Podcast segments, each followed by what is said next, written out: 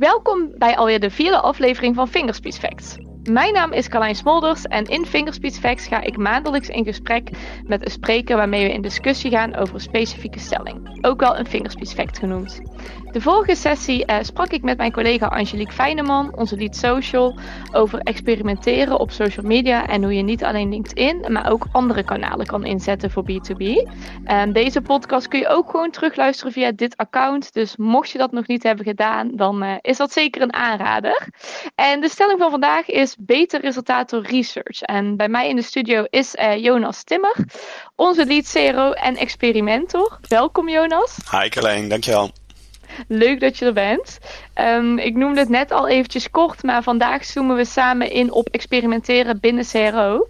En hoe je van research naar resultaat gaat. En um, eigenlijk om hè, het gesprek te beginnen is mijn eerste vraag aan jou eigenlijk al meteen.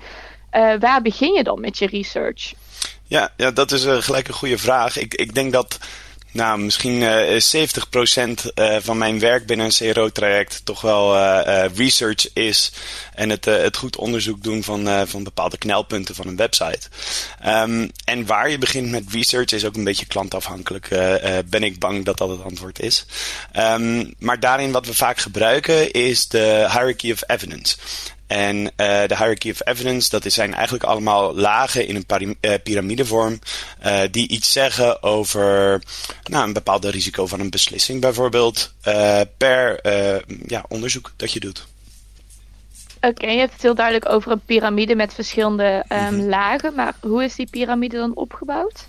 Ja, wat ik al zei, je hebt dus uh, een, een piramidevorm inderdaad. En um, die gaat van beneden naar boven. En die zegt iets over de mate van het risico van een bepaalde beslissing die je maakt op basis van een bepaald soort onderzoek. Uh, helemaal onderaan heb je bijvoorbeeld expert reviews en benchmarks. Uh, omdat die vaak gebaseerd zijn op subjectiviteit, meningen van een expert dan weliswaar maar nog steeds een mening, is het risico van een beslissing alleen op dat soort onderzoek eigenlijk vaak ja, wat groter. Um, kijk je naar uh, de tweede laag, is dat uh, user research. Um, eigenlijk een uh, ook redelijk subjectief issue, um, of soort onderzoek moet ik zeggen, waarbij je eigenlijk heel veel meningen bij elkaar gaat rapen en daar een, uh, een bepaald aanname van krijgt. Vervolgens heb je data research en data research is de derde laag en de middelste laag en die is dus veel meer op, op uh, data uh, bewezen. Um, en um, daarmee kun je dus eigenlijk iets zeggen over... hey, wat zijn de knelpunten op basis van grote getallen? En die, die zitten altijd dichter bij de waarheid dan een mening. Die zullen veel objectiever zijn. Dan heb je nog uh, AB-testen en, en meer wetenschappelijk onderzoek. Nou ja, dat is natuurlijk helemaal niet op, uh, op, op subjectiviteit gebaseerd. En helemaal bovenaan een meta-analyse. Dat eigenlijk een, uh, een soort samenvatting is van allerlei AB-testen die je gedaan hebt. Um, waardoor je meer over de doelgroep te weten komt. En zo zie je dat eigenlijk die steeds meer van subjectiviteit naar objectiviteit is opgebouwd. Zo'n zo'n piramide. Um, en, en daar moet je wel rekening mee houden als je een bepaalde soort research kiest. Dat moet je altijd in je achterhoofd houden. Dus op de onderste laag niet alleen de beslissing maken. Tenzij dat de enige optie is. Ja, want je noemde net ook al even um, dat het ook afhankelijk is van type organisatie. Dus van ja. wie is de klant of hè, wie wil je bereiken. Um, heeft dat ook betrekking hierop? Dat je heel duidelijk merkt bij de ene branche werkt bijvoorbeeld uh, dit soort onderzoek beter. Bij de andere branche werkt dat soort onderzoek beter. Um, hoe zit dat precies? Nou, dat is voornamelijk op basis van. Um, stel dat je een klant hebt en die heeft eigenlijk niet zo heel veel data. Uh, zeker in, in lead gen klanten, daar heb je nog wel eens wat klanten die eigenlijk wat betreft data. Uh, misschien maar een aantal conversies of uh, ingevulde leadformulieren per maand hebben ja, dan is het natuurlijk lastig om daar echt uh, concrete aannames op te baseren. En, en dan kun je misschien ook beter dat gaan combineren met iets van een expert review. Um, of uh, juist gewoon eens in gesprek gaan met de klant. Meer, meer user testen misschien wel. En meer user data krijgen. Ja, oké, helder. En is er bijvoorbeeld een bepaald onderzoek waarvan jij zegt van hé, hey, dat doe ik het liefst zelf binnen een CRO-traject? Ja, eigenlijk vind ik het hele traject wel leuk als ik eerlijk ben. Maar de eentje die ik, uh, die ik heel vaak doe uh, voor, voor klanten is... Uh, je hebt meestal uh, organisaties in die zijn wat meer hiërarchisch ingesteld. En daar zul je vaak zien dat eigenlijk je contact hebt met een manager of misschien wel met een directeur. En die weet waarschijnlijk heel veel van de doelgroep. Um, maar omdat de organisatie hiërarchisch is opgebouwd, zul je vaak zien dat dingetjes die onderaan de ladder uh, ter sprake komen, misschien niet altijd bij deze beslissingspersoon komt. En daarom, wat ik heel graag doe, is ik heb heel graag een, uh, een klantenservice call. Waarbij ik eigenlijk een interview van 15, 20 minuutjes afneem bij iemand die voor de klantenservice werkt. En deze persoon die is eigenlijk elke dag in gesprek met de doelgroep. Die is verantwoordelijk voor klachtenafhandeling. Maar die hoort ook waar mensen tegenaan lopen en misschien wel bezwaren om een bepaald product of een bepaalde dienst af te nemen. Een uh, goed voorbeeld daarvan is. Uh, een uh, klant van ons in de private lease auto's. die um, uh, daar waren we een CRO-traject voor aan het doen. En ik had ook de klantenservice gebeld. En ik had een, uh, een leuk gesprek met deze mevrouw. En uh, daar ging het inderdaad ook over. Hey, wat zijn nou bezwaren in zo'n aankoopproces? Want ik neem aan dat ze daar ook over bellen. En dat bleek inderdaad het geval te zijn. En dan vaak voor, voor de vergelijking tussen private lease en een aankoop van een auto. En daarin gaf deze mevrouw eigenlijk aan dat uh, de meeste gebruikers die hierover belden, dat ze die doorstuurden naar de vergelijkingstoel van de ANWB. En deze organisatie waar wij voor werkten was niet de ANWB. Uh, dit betekent dan dat eigenlijk de mevrouw van de klantenservice iedereen doorstuurde naar de concurrent. De ANWB biedt namelijk ook private lease auto's aan. Daar zie je dat je eigenlijk twee dingen al hebt gevonden. Eén, je hebt een knelpunt in de funnel gevonden. En twee is, je weet eigenlijk wat de bezwaren zijn, namelijk ze twijfelen tussen een aankoop van een auto. Daarbij is het misschien ook wel interessant om zelf die vergelijkingstool te gaan bouwen. Als mensen dat een interessante tool vinden, daar heb je eigenlijk ook een stukje benchmark uit. Dus zo heb je eigenlijk vanuit één stukje onderzoek heb je al een bepaald, een bepaald aantal knelpunten, maar ook een extra stukje research gedaan. Ja, en je gaat dan dus echt het dichtst bij de bron kijken. Dus bijvoorbeeld in dit geval zei je van hey, het gaat om klantservice medewerkers, omdat die het meeste contact hebben met uiteindelijk jouw doelgroep, met de klant. En kijk eens echt wat je voor hen kan verbeteren. Ja. Ja, ja, ja, ja. en het liefst inderdaad uh, mensen die zo dicht mogelijk bij, uh, bij de klant zitten, het meeste met de klant uh, spreken. daarbij is het wel altijd belangrijk om geen teamleader erbij te hebben of niemand van het management, zodat deze persoon van de klantenservice zo vrij mogelijk kan spreken. Want anders kun je je voorstellen dat ze dan bepaalde knelpunten misschien niet zeggen, omdat dat iets is wat dan lastig in de organisatie ligt. Ja, ook begrijpelijk. Nou, ik denk een hele goede tip inderdaad om daar uh, eens te kijken naar de mogelijkheden. En um, je noemde natuurlijk al eventjes het voorbeeld hè, van de klant in de uh, lease-branche. Uh, maar we hebben nu, je zult vast nog wel uh, ongetwijfeld meer leuke praktijkvoorbeeldjes hebben. Je noemde natuurlijk de theorie al even erachter van de piramide. maar ja, kun je wat voorbeeldjes noemen, Jonas? Van wat hebben we bijvoorbeeld zelf voor klanten gedaan en wat heb je daarbij gezien? Ja, uh, daarbij is uh, het eerste wat uh, bij mij in gedachten komt, is een hele mooie case die wij voor John Berens hebben ingediend. Um, en daar, waar we heel erg enthousiast over zijn, ook de DDMA CRO Awards mee hebben gewonnen. Dat is eigenlijk iets wat begon met, normaal is het zo dat je research doet en dan een aanname hebt. Maar in dit geval was het dat ik een bepaalde aanname had over mijn eigen persoonlijk gedrag op webshops. En dat uh, ik, ik ging een beetje kijken op, op webshops. Ik had het idee dat als je een kortingscodeveld laat zien op een website, dat dat automatisch mensen triggert om kortingscodes te zoeken. En dat is puur gebaseerd op mijn eigen ervaring. Dat is natuurlijk het grote kwaad van elke, elk CRO-traject, is op basis van je eigen aannames dingen gaan onderzoeken. Dus dat kon ik niet over mijn hart verkrijgen om daar een experiment voor op te zetten. Wat ik eerst ben gaan doen is, ik ben research gaan doen. Hey, uh, zien we nu een hoog uitstappercentage op de plek waar de kortingscode uh, getoond wordt, of het kortingscode invulveld. Um, toen ben ik gaan kijken, als we kijken naar een stukje keyword research, zijn er dan de uh, brandname en bijvoorbeeld de zoekterm kortingscodes. Wordt dat nu vaak gezocht? En zien we daar misschien wel een stijgende trend in? Nou, dit waren eigenlijk allemaal dingen die ik daarna ben gaan zoeken. Dus ik had een aanname. Toen ben ik eigenlijk gaan zoeken: hey, uh, is mijn aanname, kan dat bevestigd worden door data? En toen ben ik eigenlijk een, mijn uh, een daadwerkelijke aanname gaan hebben. Ik had een ideetje, data en vervolgens een goede aanname gebaseerd op data. En toen zag ik eigenlijk dat er nog een uh, element speelde. Niet alleen werd er veel gezocht op eigenlijk die zoektermen van, van John Berens en kortingscode. Maar het was nog erger. Er boden eigenlijk allemaal organisaties boden kortingscodes aan die helemaal niet werkten. Dat zijn al die neppe kortingscode websites, zoals uh, Spy Deals en, en nou, je hebt uh, honderd van dit soort websites. En John Binnen stond daar geen enkele keer in. En toen dacht ik, we hebben nu ook nog eens een stukje data dat we missen over die mensen die kortingscodes zoeken. Dus niet alleen weten we er niks van, maar we missen ook al die mensen en die zullen echt ontzettend teleurgesteld zijn als ze dadelijk een kortingscode vinden die niet werkt. En dat straalt af op de brandname van John Berens. Dat willen we natuurlijk niet. Dus toen ben ik nog verder gaan kijken. Oké, uh, ik had een idee, dit kunnen we eigenlijk op twee manieren oplossen. Eén, we moeten eigenlijk een kortingscode gaan aanbieden. Want deze mensen zijn op zoek naar een kortingscode. Dat weten we. Twee, we willen het niet aan iedereen aanbieden. We willen namelijk dat mensen trots zijn als ze het vinden. En dat is eigenlijk uh, door alleen de pagina aan te bieden als je hem vindt via zoekmachines. Dat hebben we ook weer opgedeeld in betaald en organisch verkeer, waardoor je eigenlijk de eerste twee posities in het uh, zoekresultaat al claimt. Hierdoor worden al die neppe kortingscode websites worden al naar beneden gedrukt. Nou, Um, op basis hiervan maakte dus die, die organisch rankende pagina, die kwam op nummer 1. Um, de betaald verkeer, nou omdat wij de brandname ook nog eens hebben, kun je natuurlijk voor lage CPC's ook bovenaan komen.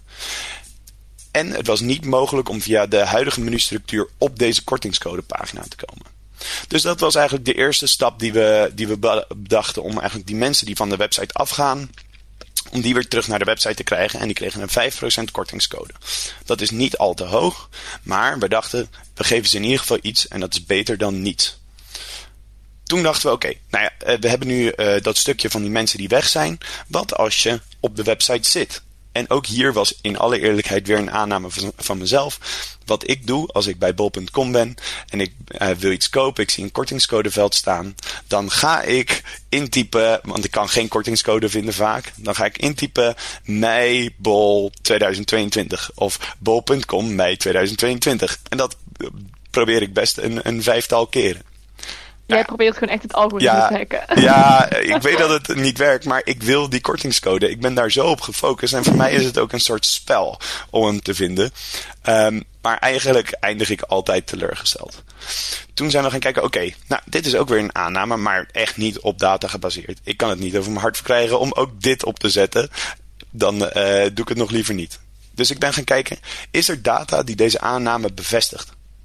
En waar kwam ik achter? Mensen die eigenlijk twee keer een kortingscode foutmelding kregen, die stapten zoveel vaker uit dan mensen die één keer een foute kortingscode kregen. En je kunt je voorstellen, mensen die hem via de mail krijgen, een kortingscode, dan terugkomen op de website en hij werkt niet meer. Ja, daar raak je ook gefrustreerd van. Dus toen dachten we, oké, we gaan een kortingscode in de checkout laten zien onder het kortingscode invulveld voor alle mensen die twee keer een kortingscode foutmelding hebben gekregen. En dat werkte in alle eerlijkheid fantastisch. Een uh, kleine 468.000 euro op, uh, op jaarbasis in extra omzet. Alleen maar van dat kleine percentage van gebruikers die kortingscode zoekt. En dat kleine percentage die twee keer een kortingscode foutmelding krijgen. En dat heeft puur en alleen te maken met deze mensen ben je normaal gewoon kwijt. Dus je laat mensen converteren. Je het is niet dat je 5% extra uitgeeft aan mensen. Je haalt eigenlijk 95% van de mensen extra binnen. En um, je hebt meer inzicht in de klantreis gekregen. Uh, ja, je geeft een korting, maar we zagen ook een stijging van de gemiddelde orderwaarde van 12,7%. Dus korting geven betekent niet altijd je, je eigen marges snijden. Absoluut niet. Um, en, en ja, ik vond het nogal een leuke test, omdat het natuurlijk volledig op eigen aannames gebaseerd was het is soms wel eens fijn om de bevestiging te hebben dat er andere mensen zoals jij zijn. Ja, ook leuk om te zien dat wij, hè, wat je eigenlijk dat je normaal gesproken echt een aanname doet. Uh, of sorry, dat je normaal gesproken zegt van nou we gaan aan de hand van onderzoek gaan we een aanname doen. En dat je nu juist zegt van nou ik had een aanname en ik ga het aan de hand daarvan onderzoeken en kijken wat het kan brengen. En dat je eigenlijk zo'n mooi resultaat krijgt. Gewoon puur gebaseerd op hoe jij als persoon zelf denkt. Ja, ja. en daar is natuurlijk wel het gevaar mee dat je het wel echt met onderzoek moet onderbouwen. Ja. stel dat, je, stel dat het nu was geweest dat ik um, uit onderzoek bleek dat dit niet uh, een interessante weg was, dan had ik dit ook niet uitgevoerd. Nee, maar daaruit blijkt dus ook alweer hoe belangrijk dat onderzoek dan ook is om het te kunnen onderbouwen uiteindelijk natuurlijk. Uh, ja. ja. Uh, Oké. Het gaat alleen niet altijd goed. nee, nou ja, dat, dat kan ik me ook voorstellen natuurlijk je doet natuurlijk zeker als experimenter heel veel onderzoek en heel veel experimentjes. Uh, maar heb je ook misschien een voorbeeld, denk ik ook wel leuk om te horen, waarbij je dacht van, oeh, dat had ik misschien niet moeten doen. Of dat ging misschien iets minder goed dan dat je op eerste ja. um, oog had gehoopt, zeg maar. Ja, ja, ja, er zijn genoeg voorbeelden van dat het een keertje niet goed ging hoor. Maar uh, ja, misschien eentje, dat is wel leuk om te benoemen voor een uh, vrij grote klant van ons, Nespresso. Uh, hadden we een, uh, een klein foutje gemaakt als het ging om de manier van onderzoek. Ehm, wij hadden, ook hier hadden we een aanname dat iets beter zou werken. Ehm, dit experiment noemen wij de packaging, de packaging rule. En dat is eigenlijk, uh, het is uh, logistiek gezien, maar zeker milieubewust gezien, is het voor Nespresso heel fijn als mensen in vijftigtallen bestellen. Dat past namelijk goed in een doos. En als een doos vol zit, zit de vrachtwagen sneller vol en uh, kan, hoeft hij minder vaak te rijden. Nou, dat verlaagt de milieuvoetafdruk. Dat betekent dat het eigenlijk voor iedereen een positief effect heeft. De vraag was eigenlijk op welke manier kunnen we dit communiceren? Nou, en wij dachten collectief, nou, dit is uh, het koffieplein, dat waar alle capsules staan. Uh, dat lijkt ons de beste plek. En daar gaan we een, uh, een soort drop-down geven. En die gaat je vertellen hoeveel capsules je nog moet toevoegen en waarom dat goed is. Dit bleek ontzettend slecht te werken. We hadden niet genoeg onderzoek gedaan. We hadden eigenlijk niet genoeg gekeken of de targeting van deze pagina het beste was. Want eigenlijk hadden we achteraf moeten kijken, vooraf moeten kijken bedoel ik, waar worden de meeste capsules toegevoegd, eruit gehaald. Waar worden de meeste meegespeeld met die, uh, de aantallen. En niet waar bestel je de capsules. Dat is helemaal niet interessant.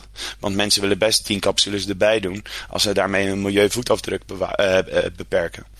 Maar mensen gaan niet een extra capsule kopen. Nou, dit was eigenlijk allemaal learnings uit het eerste experiment wat we deden. Waar we zagen dat er een min 0,93% in uh, vijftigtallen werd uh, besteld.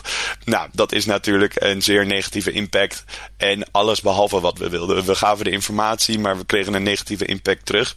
Dus hier zie je eigenlijk wat uh, ja, gebrekkig research betekent voor het resultaat.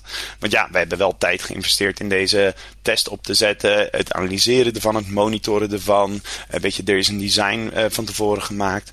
Dat had allemaal voorkomen kunnen worden als we beter onderzoek hadden gedaan. Nou betekent niet dat het, het niks waard is geweest. Want eigenlijk leerden wij heel erg veel van deze ja, toch wel slechte test, als ik eerlijk ben. Dus een slechte test is misschien ook niet het juiste woord. Het is gewoon een test met slecht resultaat. Maar uiteindelijk leerden we daar heel veel van. We leerden bijvoorbeeld ja, dus die targeting. Ja, sorry. Sorry, het is eigenlijk ook niet per se een faal. Want je hebt er juist inderdaad heel veel van geleerd van... oh, we moeten het niet op die manier doen. Uh, maar kun je het dan misschien een beetje afschuiven op gewoon slechte research of een inschattingsfout? Of uh, waar lag het dan echt precies aan, denk je? Ik denk dat uh, uh, wij hier te vol van onszelf waren, als ik heel eerlijk ben. Wij dachten, hier gaat het echt werken. Dit is de plek. Het kan niet anders dan dat het hier ligt. En dat is, denk ik, overmoedigheid is misschien de, de grootste valkuil van een CRO'er. Ja, en daar... Beetje te veel enthousiasme. ja, te veel enthousiasme en ook denken dat je het weet. En helaas is het in dit vakgebied dat je het nooit weet dat je het eerst moet testen om zeker te weten. En zelfs zeker weten is er nog een, uh, een marge in. Uh, en je moet een beetje een slag om de arm houden daarin. Um, want was hier ook bijvoorbeeld de situatie waarbij je het eerst bij een andere uh, klant had geprobeerd, dat je daar zag van hé, hey, hier werkt het wel goed voor klant A in deze branche. Dus je dacht, nou dan gaan we ook voor klant B in deze branche proberen en dat het dan helemaal niet werkt? Of was het gewoon een spontane ingeving dat je dacht van nou we gaan het gewoon een keer proberen? Nou in dit geval kwam het natuurlijk uit, er, er is uh, uh, onderzoek gedaan. Wat als we dit, wat zou dat betekenen voor de milieuvoetafdruk? Dit is niet iets wat wij nog ergens anders getest hebben, omdat het vrij specifiek voor Nespresso was om in een bepaald aantal te bestellen. Maar je kunt natuurlijk ja. wel kijken naar gemiddelde orderwaardes of gemiddelde orderaantallen verhogen bij andere klanten. En dan zou je die als benchmark mee kunnen nemen naar een andere klant. Uh, let op, test altijd of dit werkt voor die specifieke klant, in die specifieke branche, voor die specifieke doelgroep. Um, uiteindelijk zagen we voor die, die packaging rule hadden we nog een 2.0 variant gemaakt. En wat we daar zagen was dat we eigenlijk alle learnings in een nieuwe iteratie hadden verwerkt. En daar zagen we uiteindelijk een, eh, een stijging van 14,40% in het bestellingen van, uh, van 50 getallen. En daar zie je dat uiteindelijk dus het, de learnings van het eerdere experiment, de learnings uit grondig onderzoek daarna, over wat is nou de, juiste plek uh, om uh, uh, die informatievoorziening te delen. daar zag je dat eigenlijk dat onderzoek hielp tot betere resultaten. Ja, dus je hebt juist die learnings uit het mislukte experiment, als we dan eventjes zo noemen, meegenomen, wat juist tot een hele mooie stijging heeft geleid. Dus ook dat geeft weer aan van er is eigenlijk geen goed of fout experiment, zolang je het maar op de juiste manier oppakt en op de juiste manier mee omgaat. Klopt. Ja. ja. Oké, heel gaaf. Nou, leuk voorbeeld denk ik, Jonas. Um, we zitten alweer uh, bijna aan de tijd. Um, ik ben nog benieuwd, heb jij nog een allerlaatste tip of boodschap die je graag wil meegeven aan de luisteraars? Uh, nou ja, aangezien we aan de tijd zitten, ik, kan, er, ik kan er dagen over praten, zoals je hoort. Um, nee, ik denk dat de meest belangrijke tip is: uh, onderzoek is altijd mogelijk om te doen. Uh, er is geen organisatie, groot of te klein, om uh, geen onderzoek te doen. Wat ik zei, begin bijvoorbeeld bij uh, spellen met de klantenservice. Of als je dat zelf doet, te documenteren van wat er mis of goed gaat. Uh, maar je kunt altijd onderzoek doen. En ga dat vooral ook doen blijven experimenteren. Lekker aan de slag gaan. nou, leuk. Hey, Jonas, heel erg bedankt voor jouw input. Um, ik denk dat je in ieder geval de luisteraars weer goed hebt weten te inspireren. En ik hoop dat jullie hier uh, zelf ook allemaal lekker mee aan de slag gaan. Uh, mocht je nog geen lid zijn van onze Growth Lab, dan meld je daar zeker even voor aan via onze website. Want ook daar delen wij heel veel experimenten die we hebben gedaan. Um, dus blijf je ook echt op de hoogte van uh, wat je zelf voor je eigen organisatie zou kunnen proberen om te kijken wat voor jullie ook positief resultaat heeft. Um, we hebben ook een whitepaper uh, geschreven over uh, CRO. ook die vind je gewoon in onze Growth Lab. Dus heb je hem nog niet gelezen? Nou, het is zeker de moeite waard om ook die eventjes te downloaden. Um, en dan wil ik alvast graag de volgende podcast aankondigen. Die wordt volgende maand gepubliceerd en zal plaatsvinden met Ian Bosman, onze lead Creative. En uh, samen met Ian ga ik in gesprek over creative marketing. Um, en Jonas, ik vind het altijd wel leuk om vanuit jou te weten, hè, omdat jij deze podcast natuurlijk mee afsluit. Um, op welke stelling over creatieve marketing zou jij graag meer uh, toelichting willen? Oeh, dat is een goeie. Ja, ik moet wel een stukje uh, creativiteit in mijn experimenten verwerken. Um, misschien de impact van creativiteit op experimenteren. Ja, dus hoe die creativiteit echt kan bijdragen daaraan. En waardoor je dus ook weer die betere resultaten uiteindelijk kan behalen. Ja, ja. Oké, nou klinkt als een hele mooie stelling. Ik uh, ga hem zeker uh, doorzetten naar Ian. En dan uh, komen wij volgende maand weer bij jullie terug met een nieuwe podcast. Dankjewel voor het luisteren allemaal.